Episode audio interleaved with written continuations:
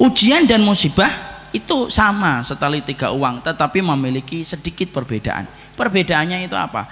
Kalau ujian itu itu pada sesuatu yang sifatnya bisa menyenangkan. Tapi ujian. Makanya kata ujian itu di dalam bahasa hadis disebut dengan bala.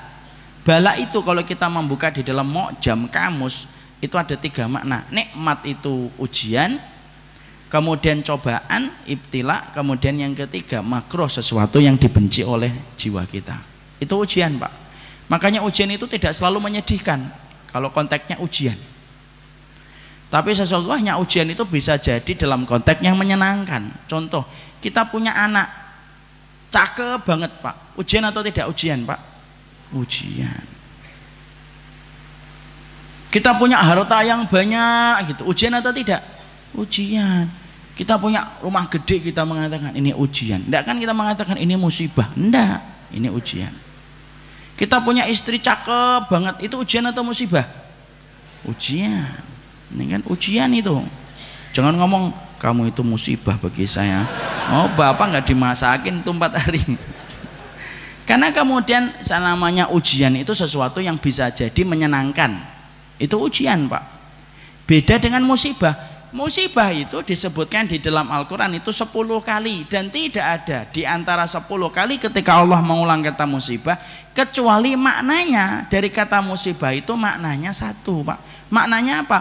maknanya dari kata musibah itu maknanya adalah sesungguhnya musibah itu sesuatu yang dibenci oleh jiwa sesuatu yang dibenci oleh jiwa kehilangan, sakit, menderita itu namanya musibah Pak dan sesungguhnya ujian dan musibah itu identitas yang ditimpakan kepada orang yang beriman. Itu identitas yang diberikan kepada orang yang beriman. Makanya orang yang beriman itu ujiannya banyak. Inna asyad dan nasi balaan al ambiya'u fal ambiya'u sumal amsalu fal amsal. Orang yang paling keras ujian dalam hidupnya itu para nabi dan para nabi dan orang-orang yang mengikuti para nabi. Kenapa? Ujian dan musibah itu identik dengan orang yang taat sama Allah, Pak. Emang orang kalau beriman itu ujiannya besar Ustaz? Iya, semakin tinggi imannya semakin berat ujiannya. Tapi ingat, pertolongan Allah lebih besar daripada ujian yang Allah berikan. Makanya orang beriman walaupun ujiannya banyak, kenapa kok masih bisa tersenyum? Karena pertolongan Allah lebih besar daripada ujian yang dia dapatkan. Nah itu cara memahaminya, jangan sampai salah. Sampai nanti ada yang nanya, emang orang beriman tuh ujiannya berat Ustaz? Iya.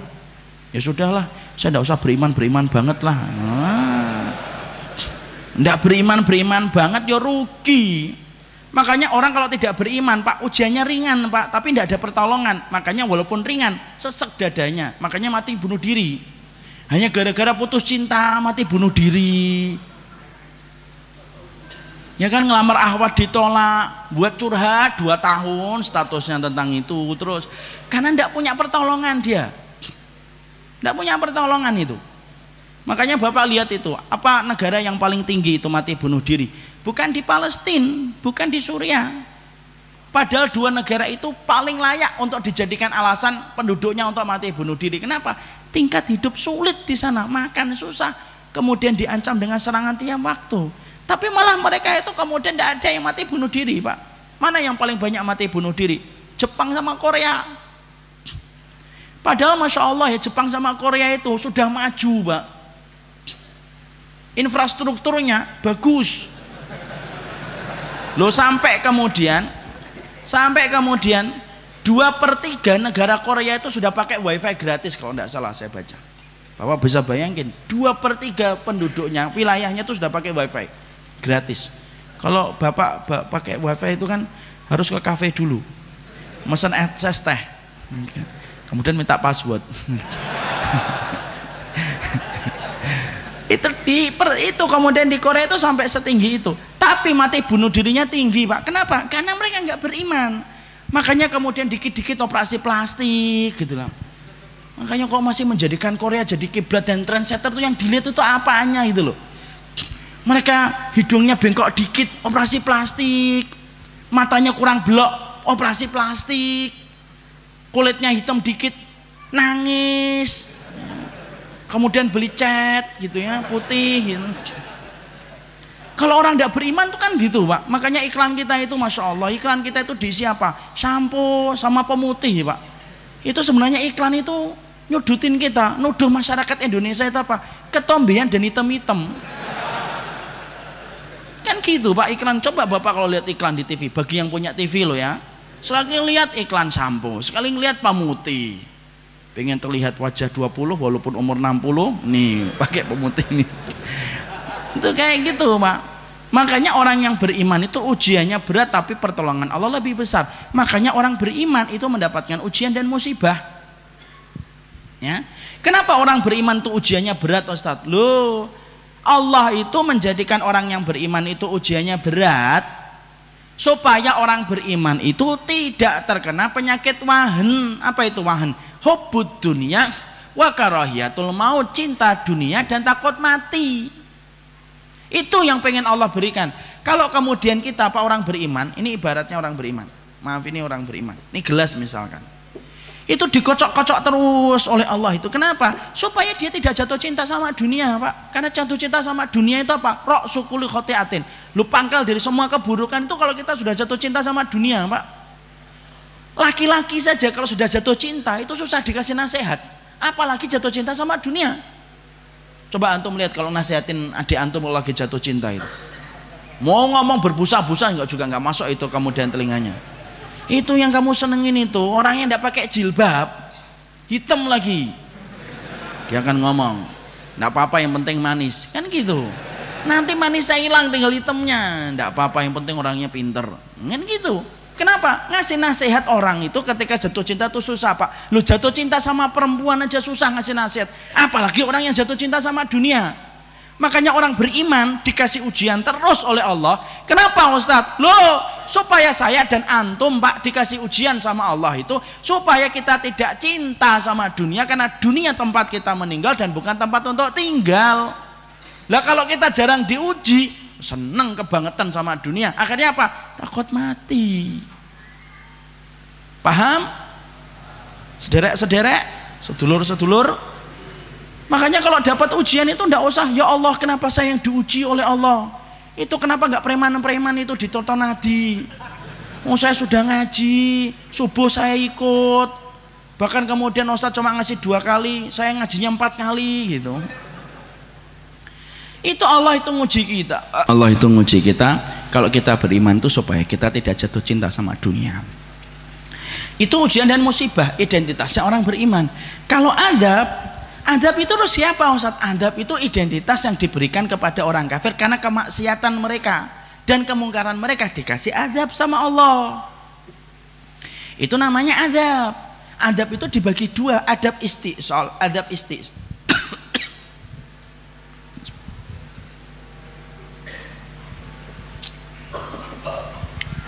Siapa itu yang ikut batuk juga? Antum satu hati banget sama Ana ya. Boleh tukar nomor WA enggak sih? Maka kemudian kalau adab itu Pak, adab itu kemudian dikenakan kepada orang yang kafir, orang yang berdosa. Identitasnya mereka gitu. Adab itu dua, adab istiqsal, adab yang Allah matikan semuanya tidak disisakan dan adab itu sudah tidak ada setelah adanya Nabi. Adab yang ada itu apa? Diberikan sisanya Pak. Ada kasih adab masih ada yang hidup untuk menjadi peringatan. Itu kemudian itu yang kita pahami. Makanya di situ maaf ya kalau kita korelasikan kejadian di Palu Lombok maka bisa jadi ada dua orang yang diketemukan diketemukan oleh relawan. Yang satu bisa jadi ini adalah orang soleh yang satu adalah orang yang berdosa besar Misal nih, yang satunya ada nggak saya sebelum tanya, saya tanya, Pak ke, kejadian Palu ada nggak orang soleh yang ikut meninggal Pak?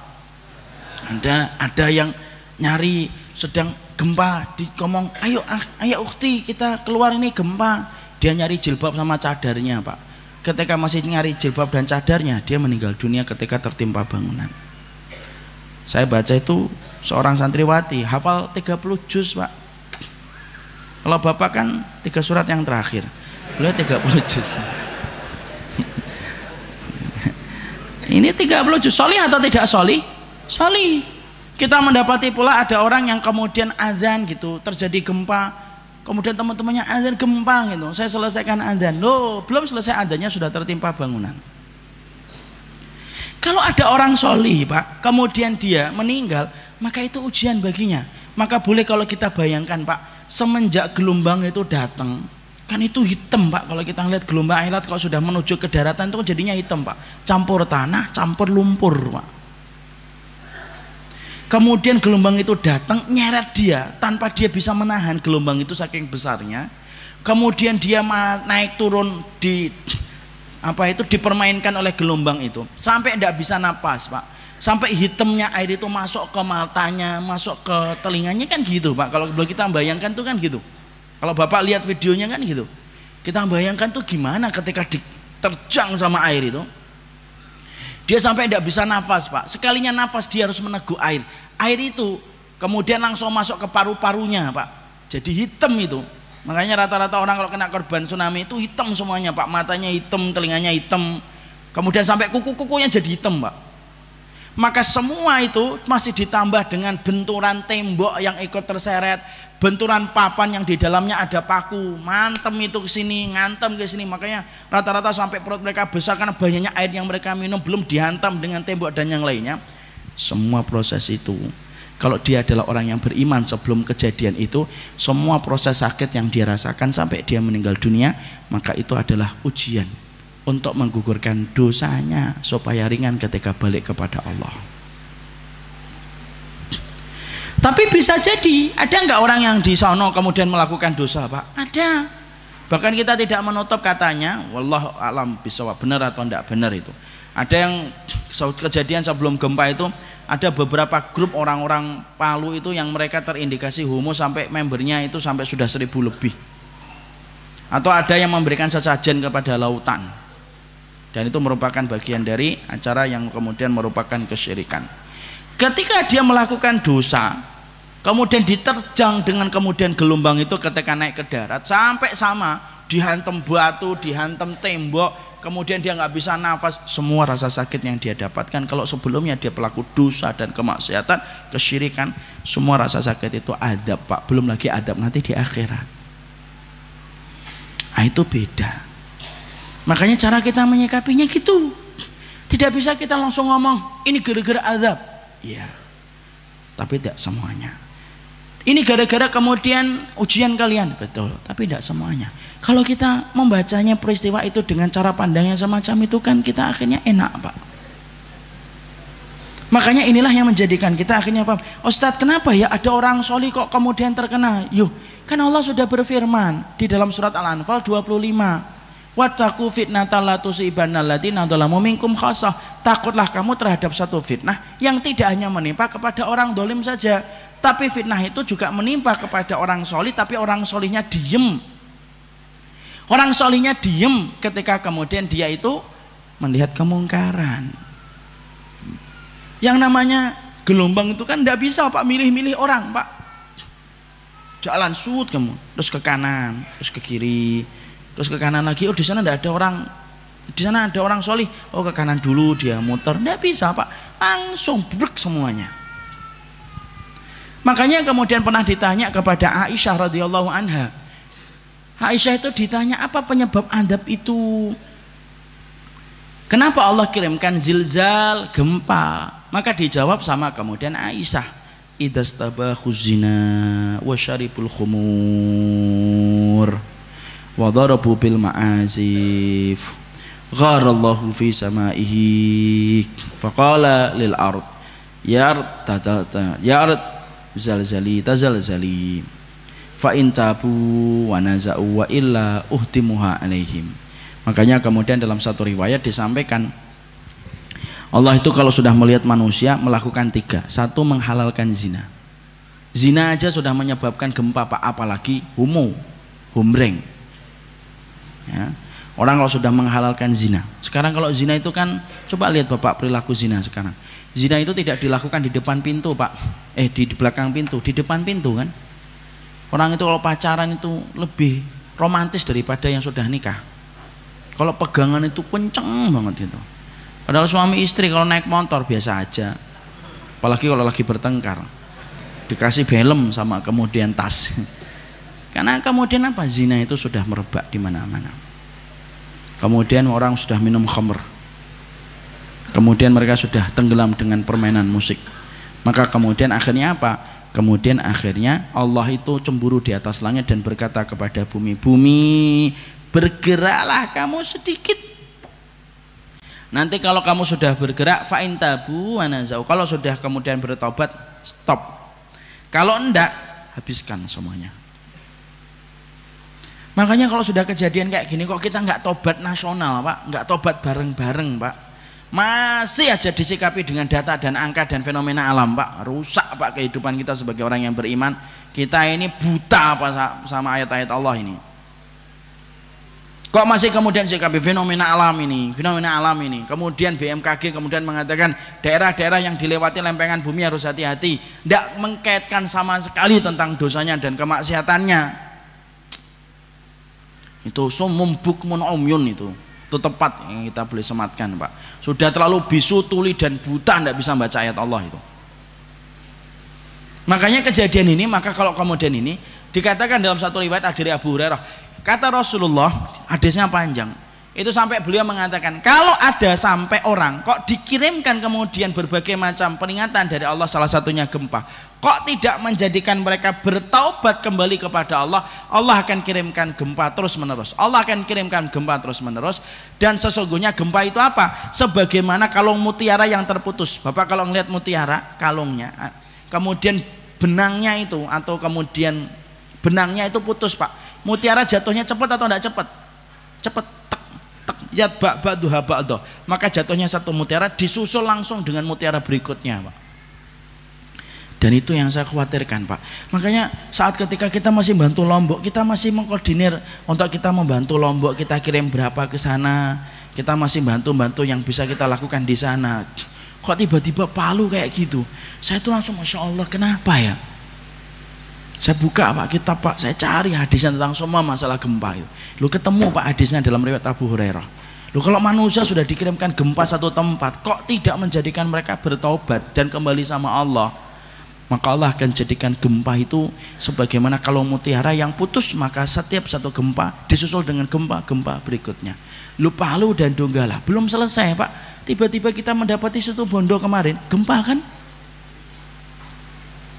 sampai kemudian dirasakan di beberapa daerah kenapa kayak gitu ya Ustaz karena Allah itu berkehendak atas segala sesuatu dan jangan pernah merasa aman dari makarnya Allah kalau kita sudah berbuat dosa